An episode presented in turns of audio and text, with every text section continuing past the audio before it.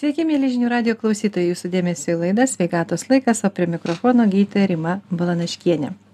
Šiandien laidoje kalbėsime apie itin dažną lygą, apie kurią dauguma žmonių net nedrįsta prasitarti. Tai hemorojus. Dažnas pacientas tiesiog gyvena su nemaloniais simptomais ir dėlsi kreiptis į gydytojus.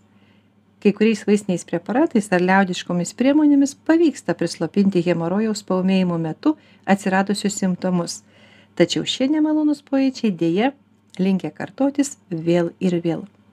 Kaip reiktų teisingai elgtis, apie tai kalbėsime su mūsų studijos svečiu, pilvo arba abdominalinės chirurgijos gydytoju, medicinos mokslų daktaru Donatu Daniu. Labadiena. Labadiena, Donatai.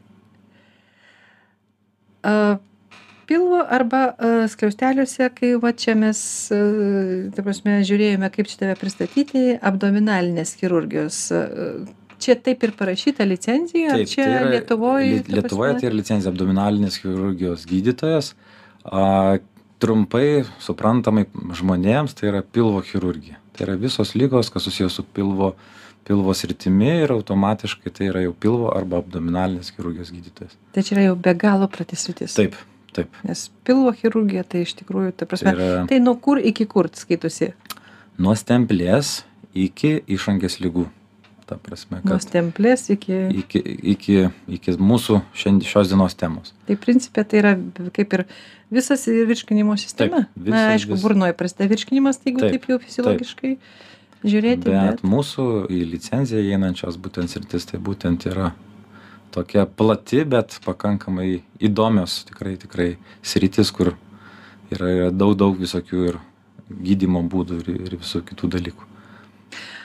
Šiek tiek grįžkime į tavo vaikystę, taip? Ir sakyk, prašau, ar medicina buvo pasirinkta samoningai? Ar tu jau nuo pat vaikystės svajojai būti gydytoju? Ar tavo giminiai buvo medikai, kurie, na, būna, kad užaugi medikų šeimoje, tiesiog tau, na, nėra galimybės kitko pasirinkti? Ne, mano šeimoje tikrai nebuvo tokių, kurie patartų būtent rinktis medicinos kryptį. A, Sugalvojau pakankamai vėlai, turbūt 10-11 klasėje, labai patiko biologija, chemija, matematika, tos rytis, kurios ir padėjo būtent įstoti į mediciną. Taip ir pasirinkau slapčia, galvodamas apie tą sritį, o po to jau įsiri- įsirutuliojo būtent kokia jau medicinos šaka a, rinktis, bet tai jau, jau, jau medicinos be, be kramtant tos mokslus įsirutuliojo ta pilvo chirurgija. Bet šiaip par tikrai sugalvojau labai labai vėlai. Tai nebuvo mano vaikystės svajonė, bet tai buvo jau sufor, susiformavus visiems būtent tiksliesiems mokslams, kad labai ta įdomis rytis, būtent ir labai plati ta medicina.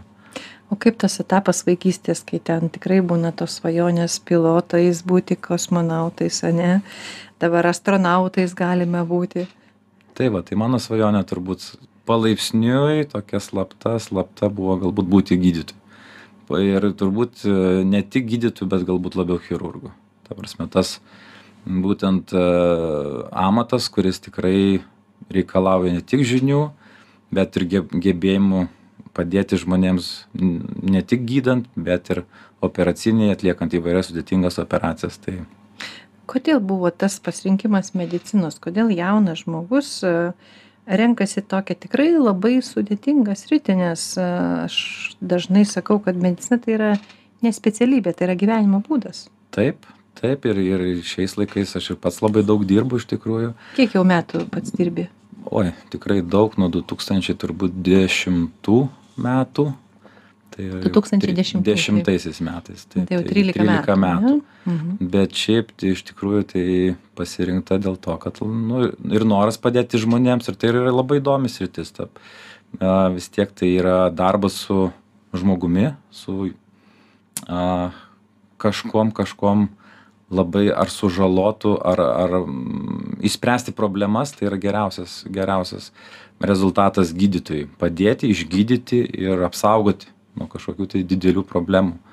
Tai va tas. Sakyk, prašau, kaip tau tas e, suvokimas žmogaus a, skiriasi nuo to, kaip tu pradėjai mokytis mediciną pirmoj, pirmam kursė, taip. Taip. ir kaip jis dabar skiriasi? Atrasme, Aišku, požiūris. tai turbūt čia daug, daug metų atgal supratimas apskritai ir inovacijos pasikeitusios, dabar ir robotinė chirurgija, in- visos tas laparoskopinė chirurgija. Tais laikais tai vis paprastesnis buvo požiūris daugiau liaudiškomis priemonėmis dar visokių mokslu paremta tik tai yra tokia a, startas turbūt dabar jau viskas yra būtent akademiškai klinikinėm studijom prieinama literatūra visame pasaulyje. Taip laikai tendencijos labai pasikeitę yra. Jeigu kas buvo prieš dvidešim metų ir dabar tai medicina yra visai kitame lygyje. Bet turbūt imant iš technologinės pusės ir iš technologijos technologijos labai Taip, pasikeitė ir, ir prieimas prie žinių, ta prasme, mums dabar niekur nebereikia ir važiuoti labai. Ir visos e, kursai gali būti nuotoliniu būdu, mes galime tikrai gauti rezultatą, čia, surasti rezul, kažkokį norimą problemą sprendimą čia ir dabar. Ir, ir konsultuoti su gydytojais gali iš viso pasaulio. Ta prasme, kad tai tikrai yra viskas žymiai paprasčiau bet kiekviena sritis labai labai dar skyla į daug labai smulkių šakų ir iš tikrųjų sudėtingumas tai yra tame kad visko žinoti praktiškai neįmanoma šiais laikais. Bet tu turbūt esi daugiau atstovas tos na radikaliosios medicinos sakykim. Vis tiek chirurgija tai yra chirurgų radikalusis požiūris yra gydymas, taip? kad mes problemą galim Taip. spręsti chirurgiškai terapiškai vaistais tai daugiau yra su pilvo srities e, ligomis tai yra gastroenterologai. Taip, tai yra taip. tie gydytojai kurie gydo vaistais diagnostika ir visais kitais metodais. Mes jau es- esam tokie kad daugiau radikalūs. Ta prasme mes turim problemą ją pašalinam ir tada mes turim turim tikėtis gero rezultato. Tai va tai tas labai yra galbūt ir chirurgiją tuo ir traukia tuom kad tu gali iš karto padaryti Tas rezultatas ateina savaime. taip taip. Nes turbūt to tokio didelio pokyčio sakykime na farmakoterapijoje Taip. jo tikrai nėra. Toks nėra didžiulis pokytis įvykęs. Taip tiek kiek technologijose būtent toj radikalioj sakykim medicinoj. Taip technologijos pažengusios tiek kad ir pooperacinis laikotarpis pacientų jeigu anksčiau po kažkokių tam tikrų situacijų savaitėmis gulėdavo lovoje neleisdavome keltis dabar mes jau tą patį vakarą duodam gerti ligoniui po operacijos statom ant kojų kitą dieną keliauja į namus po didelių pilvo chirurginių operacijų. Tai kas čia pasikeitė sakyk per tą pasikeitė laikotarpį? tai kad daugiau daugiau atsirado žinių daugiau atsirado žinių ir technologijos padeda tas žinias įgyvendinti. Tai kad a, mes galim padėti pa- žmogui labai greitai grįžti į savo įprastą veiklą į darbinę visą tą veiklą. na grįžkime vat tą sakykime vat šitą a, periodą ten kas buvo sakykim prieš na pradžioj tavo darbo ane kai tu sakai kad reikėdavo po operacijos ilgai gulėti ten neduodavo gerti tikrai daugelis atsimenam kas esam operuoti tuo laiku kad tikrai tik lūpas suvilgydavo nieko negalima ane ir visa kita. Ir dabar sakai taip radikaliai viskas pasikeitė. Tai negi žmogaus kūnas pasikeitė? Į supratimas gal pasikeitė atsirado tai kad daugiau mes suprantam kad ilgiau nėra geriau aš galiu pasakyti dienos chirurgija ar ne po pilvo chirurginių operacijų išvaržos operacijų tulžies pūslės šalinimo mes jau išleidžiam tą pačią dieną namo. Kas atrodo prieš dešim metų būtų sunkiai suvokiama. Tikrai. Tai tendencijos yra tokios kad tikrai mums atrodo kol kas neįprasta bet galbūt mus mums keista bus po penkiolikos po dvidešim metų į priekį žiūrint. Tai tikrai situacija galbūt bus gydoma kažkokiais kit kitokiais metodais bet e, bet tikrai tas žvelgiant iš šono ir ir taip pasižvel pažiūrėjus dešim penkiolika metų atgal mes turim tikrai didžiulius pokyčius. Ar nėra baimė tų baimių? Ir kaip e, vyresni chirurgai tai reaguoja va į tas tokias naujas tendencijas na kai ten buvo bijoma infekcijos kad ten pasigausi infekciją kad a, siūlės iširs ane taip yra daug daug daug situacijų kur aišku vyresni chirurgai ne visi tą prie tų technologijų prisitaiko a, bet e, tendencijos tikrai pasikeitusios ypatingai ir ir ir mažiau yra bijoma kad tos dėl tos žaizdos infekcijos em, tvarsliava ir visa kita siūlės yra tirpstančios ir tiesiog a, gijimas yra žymiai kitoks ir žymiai paprastesnis. Atrodo lyginant kad daugiau būdavo priežiūros dabar viskas paprasčiau vyksta mm, mažiau tyrimų reikia daryti po operacijos ir visa kita. Tai tas yra dėl to kad žmonija suprato kad patirties turim tiek kad mes galim sau leisti taip gydyti o kaip tu manai pacientams kaip geriau E, nes na tas seniau sakykime ane žmogus ilgai buvo laikomas ligoninėj juo tarsi rūpinosi slaugė ten visa kita o dabar sako viskas eik namo Ar jie nepasijaučia taip? Vyresnio amžiaus pacientai, jie galvoja, kad galbūt jis norima kažkaip labai greitai atsikratyti. Čia brangu, ne? paleisti. Lovadiniai brangus turbūt. Taip, bet į jaunesnio amžiaus žmonės tai labiau supratingesni į būtent tokius pokyčius, bet e, tendencijos yra tokios, kad gaunama išrašus, gaunama rekomendacijas, kaip, kaip, turi, kaip turi elgtis. A, Ir tai yra pacientui supaprastina tą visą galvos skausmą, e, tikrai tai nėra sunku prisižiūrėti, bet jis turi visada laikytis tai, ką, kas yra rekomenduojama, kas yra parašyta, ką mes pateikėm po operacijos, ką, kai- ką informuojama ir tada tikrai rezultatą mes galim, tiek gydytas gali būti laimingas, kad geras rezultatas, tiek ir pacientas sveikas.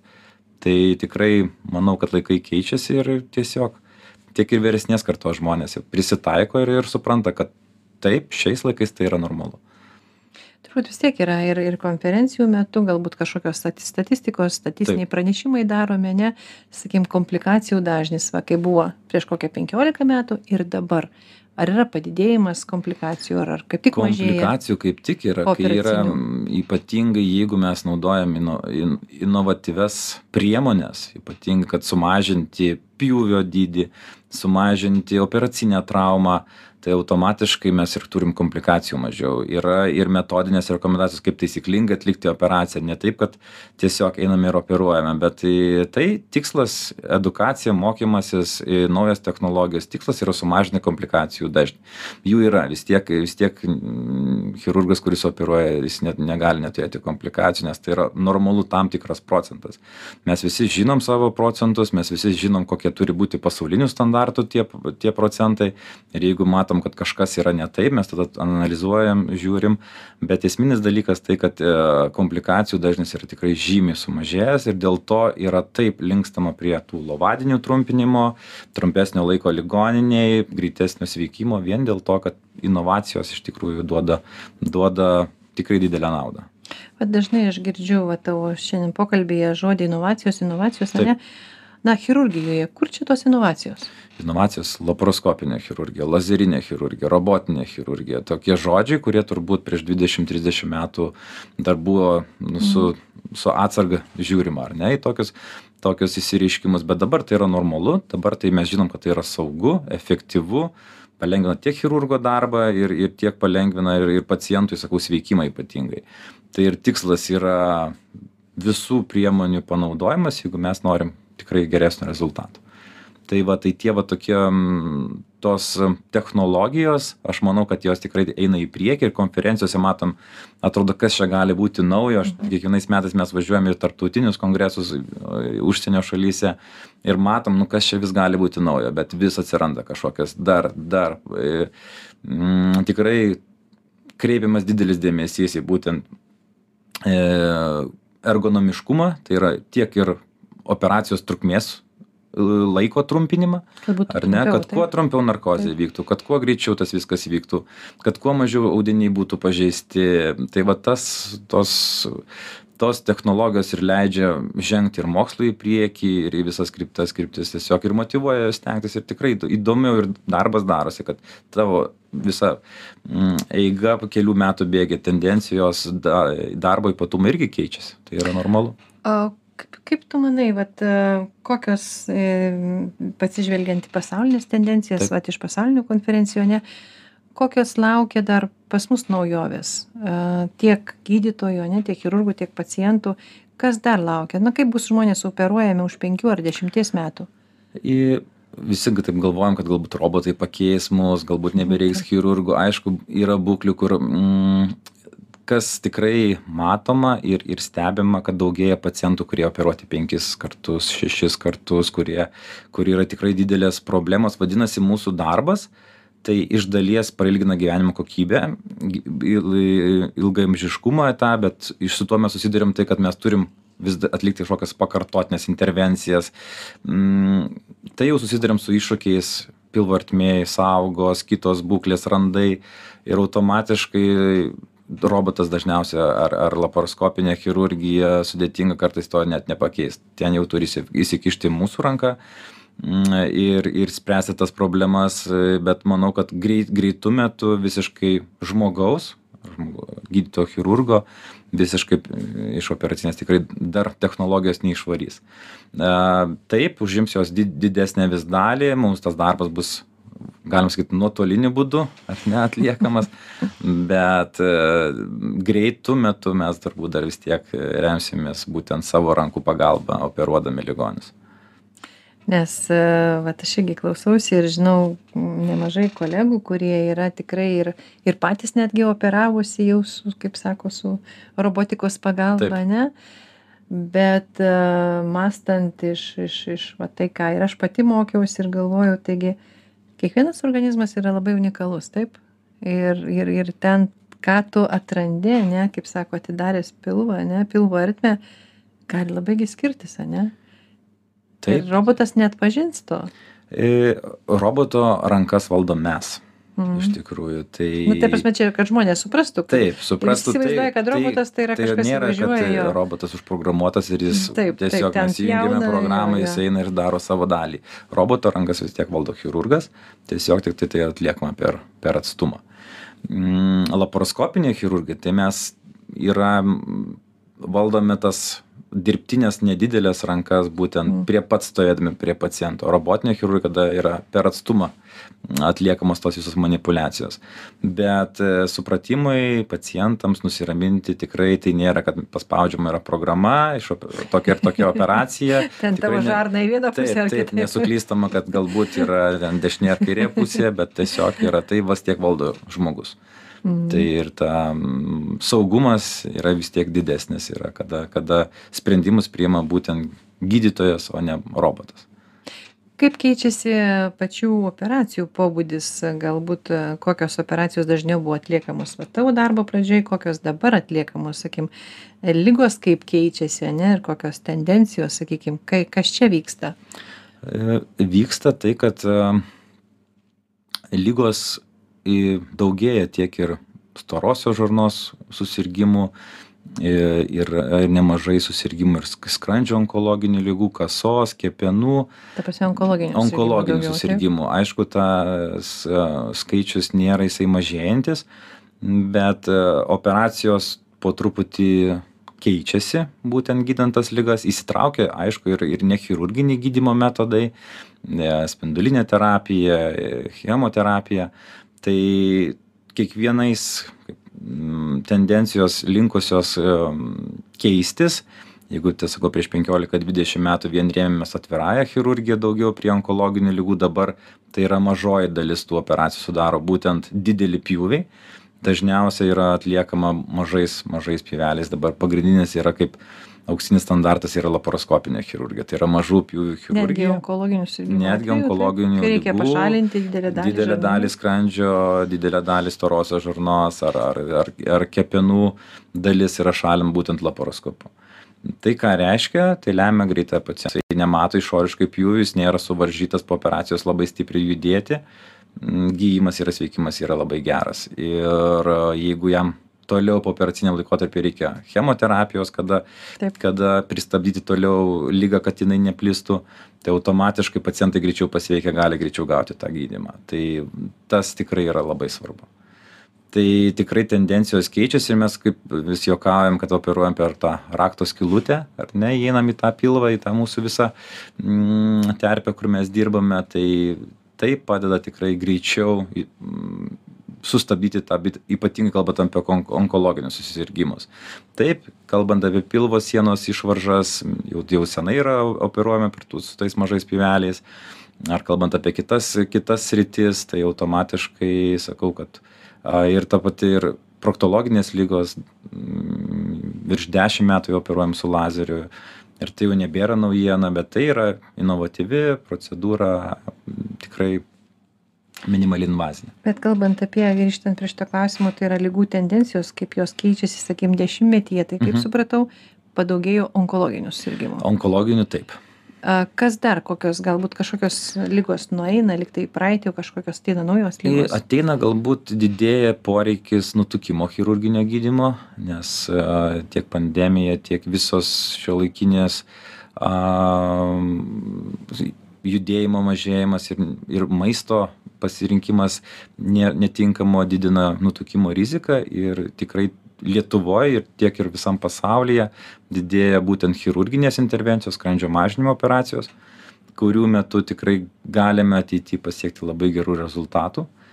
Tai čia yra toks didėjimas šitų operacijų poreikio nes jų žmonių daugėja tokių ir lietuviai netgi penketuke mes esame Europoje pagal nutukimą. Negali būti. Taip, Ką mes tokie stori? Taip, galbūt, galbūt mes to nepastebim labai, bet e, atkreipkime dėmesį. O ne? kokios galbūt yra pirmaujančios ES šalis? Į pirmaujančios tai yra būtent e, dabar tiksliai nepasakysiu, kas yra lyderiai, bet, bet e, pirmaujančios tai yra būtent iš pietų Europos šalių, ten, kur yra irgi didelis mažas aktyvumo rodiklis būtent prasme, ypatingai. Ispanija, Italija. Taip, Ispanija, Graikija. Italija, Graikija, kur yra. Net keista atrodo, ten kaip tik turėtų žmonės mažiau valgyti, ten karšta pastoviai. Taip, bet, bet yra greitas maistas. Bet jie yra... daug vaisių valgo. Taip, bet yra, sakau, greitas maistas, kur yra tikrai lengvai prieinamas ir automatiškai mes e, neturime pasirinkimų didelių, kad mes, mūsų kūno masės indeksas būtų normalus. Ne? Tai va, tai visam pasaulyje tai yra tikrai didelė problema ir uh, Europoje tai, tai ypač, tas, tas ypatingai pandeminiu metu, kada mes buvom uždaryti, ar ne, tai tos tendencijos yra didėjančios. E, toliau, kalbant apie kitas lygas, tai kaip jau ir minėjau, kad e, labai daugėja būtent rekonstrukcijų pilvo sienos operacijų, tai kuo daugiau mes intervencijų atliekam didėja pooperacinių išvaržų tikimybė pilvo sienos raumenų išsiskyrimas išvaržų tos, kurias jau reikia vėl pakartotinai operuoti. Nutukimas turbūt turi irgi mm, reikšmės. Daug, daugiau yra pakartotinės operacijos. operacijos. Nutukimas viena iš priežasčių, raumenų įskyrimas yra moteriams dėl, dėl neštumų, dėl gimdymų. Tai, va, tai yra daug tokių vat, situacijų, kur tendencijos irgi yra didėjančios. Tai va, tai tas atsakant tai į klausimą. Šeši kad... tokie. Tai. Gerai, dabar trumpam staptelkime, atsipūskime Taip. ir pokalbį pratęsime po trumpos pertraukos. Likite su žinių radiju, grįšime į studiją visai netrukus.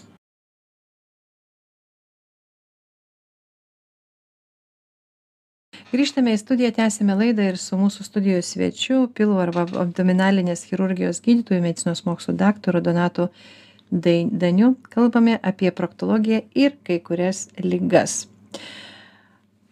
pirmoje laidos pabaigoje mes kalbėjome apie tendencijas. Taip apie tendencijas kokios ligos sakykim nueina kurios yra mažiau retesnės kurios dažnesnės. Na labai aišku nustebome kad mes esam tokie kaip aš mėgstu pasakyt pavalgę lietuviai ane netgi čia yra kaip vat minėjai dvidešimtų metų duomenys ane ar netgi dvidešim pirmų metų taip taip taip. Dvidešimtų dvidešim pirmų kad mes penktoj vietoj europos sąjungoj reiškia pagal nutukimą tai aš manyčiau kad šita tema reikėtų atskirai mums pasikalbėti.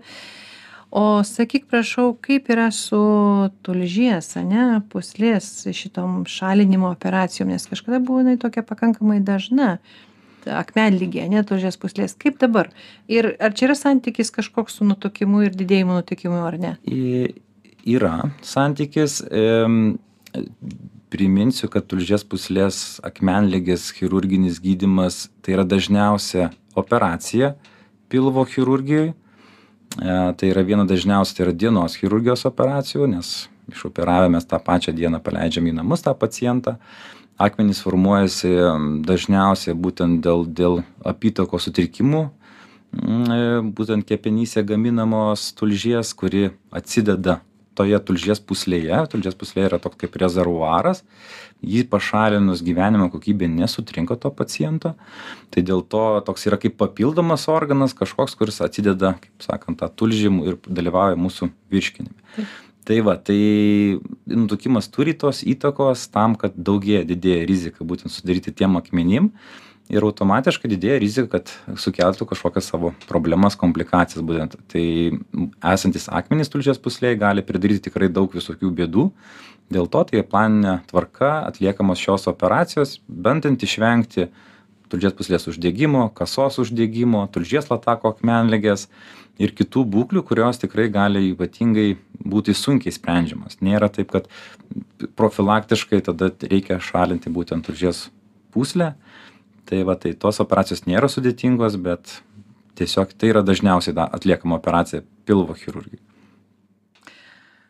ką gi pagaliau pakalbėkime apie hemorojų. Taip apie ką aš ir anonsavau laidos pradžioje ir kaip supratau ir turbūt e, klausytojai mūsų žino kad šią ligą gydo proktologai bet kaip suprantu lietuvoje proktologo licencijos nėra. Tikrai taip tikrai tai kaip čia suprasti tai tokia specialybė kaip ir yra ir turi būti ir kaip nėra jos. Į tiesiog proktologija yra išangės ir mm, tiesiosios žarnos ligų gydytojas prok gydytojas proktologas. Taip. Tokios kaip licenzijos nėra tačiau mūsų tai yra kaip subspecializacija. Tai reiškiasi kažkokia siauresnė sritis negu pilvo chirurgija apskritai. A, tai būtent ir tie tos srities gydytojai ir gilinasi į analinio kanalo išangės ligas tiesiosios žarnos ligas o jų yra tikrai yra begalė e, ir jie specializuojasi bet e, kursus lanko važiuoja į tarptautinius mokymus bet lietuvoj tai nėra išskirta kaip atskira sritis kaip būtų ten akušerė ginekologija kaip ta pati pilvo chirurgija ar Taip. ten ar nefrologija ar kito kitos kitos specialybės bet tiesiog tokia tokia sistema ir pasauly tai yra vadinamas gydytojas proktologas. Lietuvoje tai irgi tai tiesiog kad tai suprastų kad nesiųsti pas bendrosios chirurgijos gydytoją pilvo chirurgą. Bet tai yra tas jeigu yra ta liga tos srities važ važiuoji pacientas eina konsultacijai pas gydytoją proktologą. Bet dabar sakykime tu neg negali kaip studentas sako ant durų užsirašyti užrašą kad tu esi gydytojas proktologas. Nes tokios kaip ir nėra specialybės. Taip jos nėra tačiau jinai visur skirta. Jeigu mes žiūrėtume a tiek ir e sveikatos sistemoj Taip. registruotis pas gydytoją yra išskirta būtent gydytojas proktologas išangės ir analinio kanų kanalo li ligos tai čia kažkaip nesueina kažkur tai gal taip nesueina bet bet tokia bet tokias labai gera pastaba iš tikrųjų bet bet taip jau yra. Tai ką gi hemorojus. Taip hemorojus viena iš tokių turbūt dažniausių ligų. Taip ir ir žmones labiausiai varginančių ligų ar tiesa? Taip jeigu mes išgirstam žodį hemorojus žinom kad kažkas tai yra nemalonaus kažkoks yra galvos skausmas. Bet iš tikrųjų hemorojus tai yra labai gera kraujotaka yra išangėje ir kraujagyslės kurios išvešėja padidėja ir kurios pradeda duoti tam tikrus simptomus mes tada vadiname būtent hemorojumi. Tai reiškiasi išsiplėtusi veniniai rezginiai a, pradedantys ar kraujuoti ar skaudėti ar perštėti niežulys diskomfortas tuštinantis tai jau galime tarti kad tai yra išangės kraujagyslių uždegimas kitaip vadinamas hemorojumi.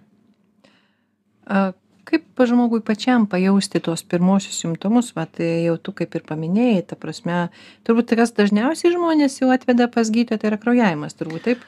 Įvairiai įvairiai. I kartais būna a neišsituštinimo jausmas skausmas. Ateina kitas žmogus kelis metus yra išangės niežulys vargina bet jokio kraujo jokio iškritimo mazgų jis net nėra matęs. Aišku dažniausia tai yra viena iš priežasčių tai yra dėl ko ateina tai yra kraujas pasirodęs ar ar periodiškai besikartojantis. Įvairios priežastys būna kad dėl kurio simptomo dažniausiai vyraujančio ateina tie pacientai bet aš dažniausiai tai būtent kažkokios bėdos išangės srity tai įvairiai. Vieni laukia penkis metus kitas gali ir savigyda užsiimti kiti pirmiems simptomams pasirodžius atbėga. Labai labai skirtingai ateina pacientai dėl šitų šitos bėdos. Bet taip dažniausiai kaip vertina savo situaciją savo sveikatą ir kaip nori sau padėt. Nes kitas negali ir dirbti negali užsiimti savo įprasta veikla kitam yra tikrai yra nesmagu kada jisai kraujuoja na be abejo kraujas dažniausiai mus visus išgąsdina čia toksai jau simptomas kai jau kraujuoja visi supranta kad kažkas negerai galbūt a dažnai yra skaitę kad onkologiniai susirgimai ane pasireiškia irgi kraujavimu ta prasme bet turbūt čia kitoks kraujas turi būt ane tai spalva dažniausiai ateina bijodami kad tai yra onkologija. Onkologijos Taip. bijo taip. Nes labai panašūs simptomai storosios ar tiesiosios žarnos vėžys m, jais kraujuoja i- gali būti tas kraujavimas kitoks. Dažniausiai išmatose tas kraujas pasirodo. Nebent turėtumėm išangės kanalo arba apatinio trečdalio tiesiosios žarnos naviką kuris gali tas kraujas būti tiesiog valantis matyti. Hemorojaus m, krauja dėl hemorojaus kraujavimas dažniausiai mes matome šviežią kraują ant išmatų bet ne išmatose ant popieriaus tiesiog lašais varvantį ar ne? Bet tačiau tas kraujas yra kitoks tai nėra mm, išmatose tai nėra kažkoks tamsios išmatos, bet tai yra, matom, čia ir dabar šviežia krauja. Tai galima įtarti, kad didelė rizika, kad mes turime hemorojų. Bet tiksliai diagnostikai žmogus ateina, mes padarom ar anoskopiją, ar rektoskopiją, instrumentinį tyrimą, apžiūrime ir tada tikrai nustatome, jums yra tam tikro laipsnio hemorojus ir galite tikrai nepergyventi dėl onkologinių procesų, nes tai yra nesupiktybėję hemorojus, bet jis gali kankinti jūs visą gyvenimą. Sakykime, mazgai, ta prasme, net kraujas, tai yra kaip ir suprantama, kodėl tai yra tokie simptomai, na bet nežulys. Kas čia nežulys sukelia? Nežulį sukelia, e, dažniausiai diferencijuojam, atskiriam nuo e, odos susirgymų jeigu mes matom kažkokius odos susirgimus bet pradžioje mes turime ištirti ar nėra vidinio hemorojaus jeigu tai yra dideli mazgai ar iškrentantys į išorę e, gleivinė yra tarsi gleivinga ir jinai sutepa aplink išą iš išoriškai išangę būtent mm, gličiu skysčiu kuris mus vargina kaip niežulys atsiranda chroninis lėtinis tai va tai tokiems pacientams dažniausiai rekomenduojama apsiplauti po pasituštinimosi nenaudoti popieriaus. Aišku pašalinti problemą jeigu tai yra ydingai chroniškai kart besikartoja. Bet mes pradžioje turime atmesti kad tai nėra hemorojus. Jeigu mes matome kad pakitimai yra minimalūs tada jau siunčiam odos ligų gydytojui kad jisai jau tirtų nagrinėtų galbūt tai yra odos susirgimas kuris iššaukia tą būtent chroninį niežulį.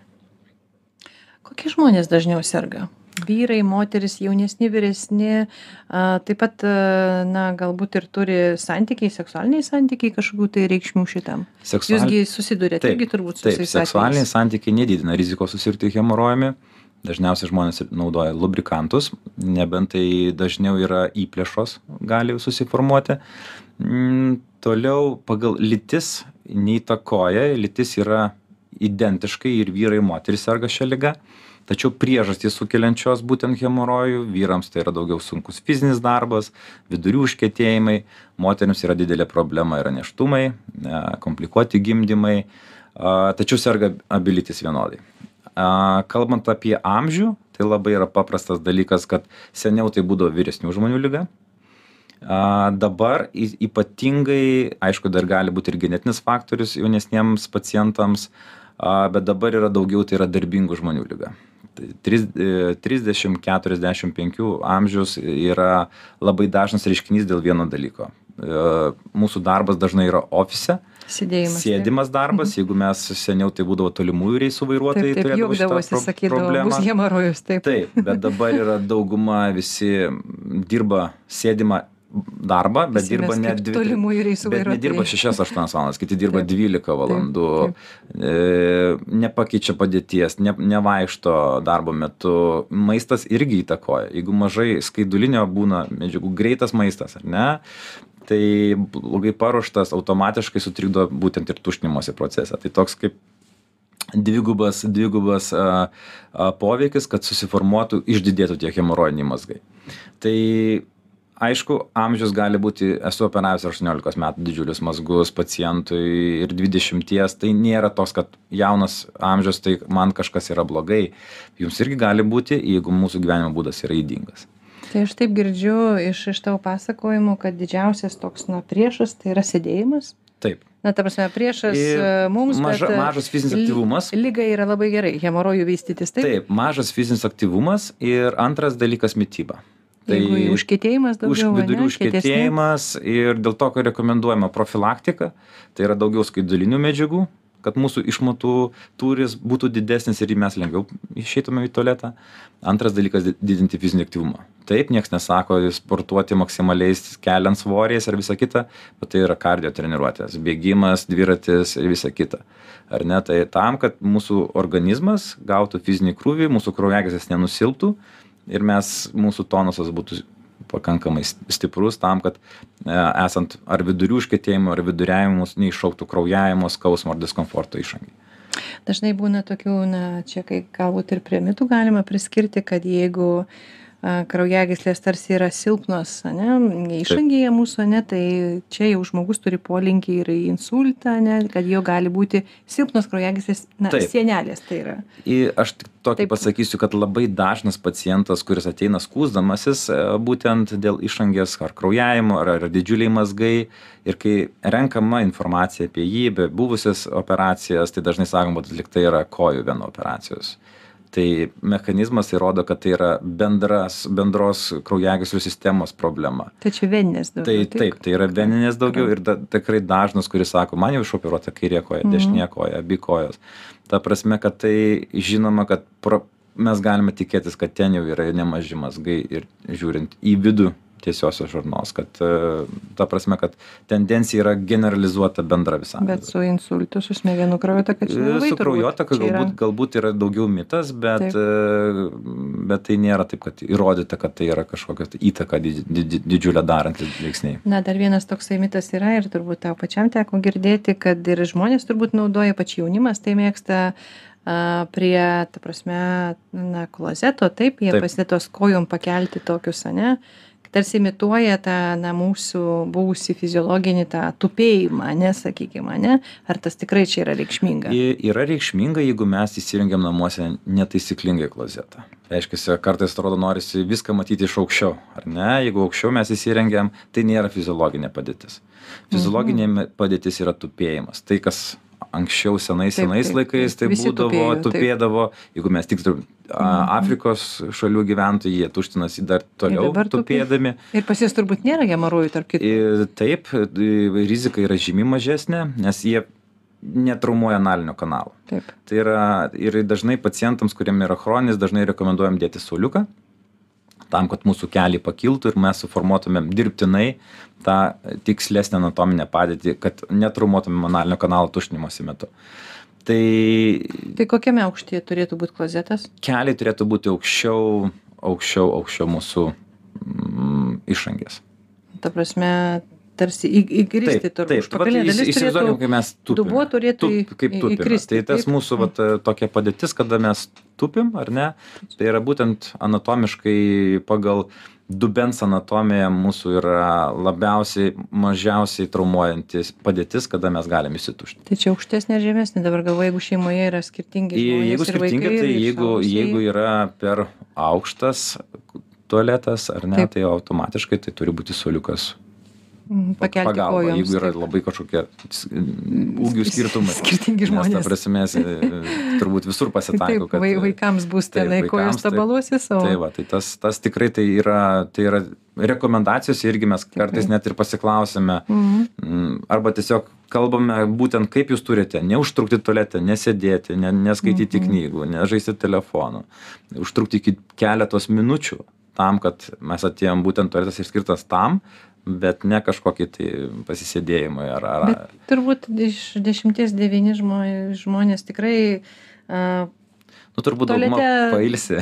ten ta prasme randa tą tokią ramią vietelę ane Taip, netgi e, pas daugelį turbūt tualetuose yra netgi lentyna knygų padėta jie tenai ateina knygą pasiima skaito ir paskui užmiršta ką daro ane taip ir, ir taip, bet mes didinam slėgį būtent analiniam kanale ir, ir, ir tas dažnai stanginimasis, e, ilgas sėdėjimas automatiškai mums po to iššaukia kažkada, kad ateitų, ateina ir ta bėda pasibeldžia į mūsų duris.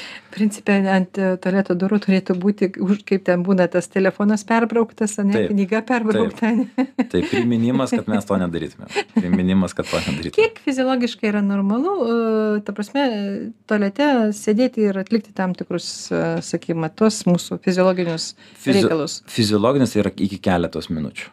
Ta prasme, kad tai yra būtent laikas, kada mes e, nekomplikuotai mes turime atlikti savo visus a, priklausomus reikalus ir, ir eiti toliau užsiminėti veiklą, kurią turim užsimti. Tai, tai neturi būti septynios minutės, tai neturi būti dešimt minučių. tai pusvalandis Bet tai neturi būti ir, ir labai greitai, ar ne? Dėl ko tada gali suformuoti kitos bėdos, mes kada staiga norim pasistanginti, gali įplyšti išangės gleivinį ir mes turėti lėtinę ar ten, po perėti į lėtinę išangės įplėšą, kurios yra gydomas irgi labai labai sudėtingai ir netgi sunkiau negu hemorojiniai mazgai. Tai va, tai.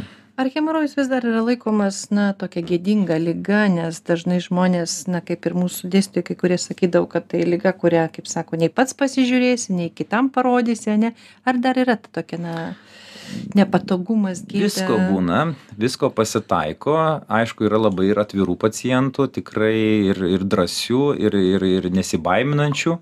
Ateina tikrai tiek vyrai, ir tiek moteris, ir įsiaudrinusios, ir bijančios, atrodo, kad kažką labai blogo padarysim, labai pergyvena, tiesiog dažniausiai tenka nuraminti pacientą, kad tai yra neskausminga procedūra, tai neužtruks labai ilgai, bet apžiūra yra tikslinga ir reikalinga, kad mes galėtumėm padėti spręsti tas problemas. Tai tikrai daug dar yra, kurie ateina pirmą kartą. E, baiminasi. Tie, kurie jau ateina antrą kartą, jie jau jaučiasi visai kitaip. Jie žino, kaip atsigulti, kaip pasiruošti, kaip, ko tikėtis. E, jau žino, kad tai nebus skausminga, kad tai nebus baisu, kad nereiks narkozės. Yra kai kurie prašo nuskausminimo, bet tai tikrai nereikia. Tas tai nėra kažkoks tai tyrimas apžiūrėti visą žarnyną, tai tyrimas apžiūrėti tik tiesiai žarną pilnai. Tai jau apie rektoskopiją. Taip, rektoskopija. Rektoskopija ar anoskopija. Taip, tai yra du taip. tokie tyrimai, pakankamai nema, maži ir neinvaziniai labai stipriai, tai jie tikrai nereikalauja didelių pasiruošimo a, etapų, tai tas tikrai yra labai lengvai pernešama ligonėms. Bet suteikia labai daug, daug, daug vertingos diagnostikos prasme informacijos. Iš tiesų hemorojus tai graikiškas žodis. Jis apibūdina kraujagysles kurios yra pripildytos kraujo sergant hemorojumi išsiplečia išeinamosios angos arba išangės srityje esančios kraujagyslės venos tiksliau jos pabrinksta ir gali kraujuoti. Hemorojui būdingi uždegiminiai procesai ir įvairūs gyvenimo kokybę bloginantys simptomai. Tačiau kaip sakė mūsų studijos svečias gydytis ir būtina o gėdytis tikrai nereikėtų. Tai gana įprastas ir itin dažnas pasitaikantis sveikatos sutrikimas kuo anksčiau kreipiamasi į gydytojus specialistus tuo gydymas paprastesnis. Ačiū mūsų studijos svečiui a, pilvo vis dėlto pilvo pavadinsime chirurgijos gydytojui medicinos mokslų daktarui donatui daniui už patarimus.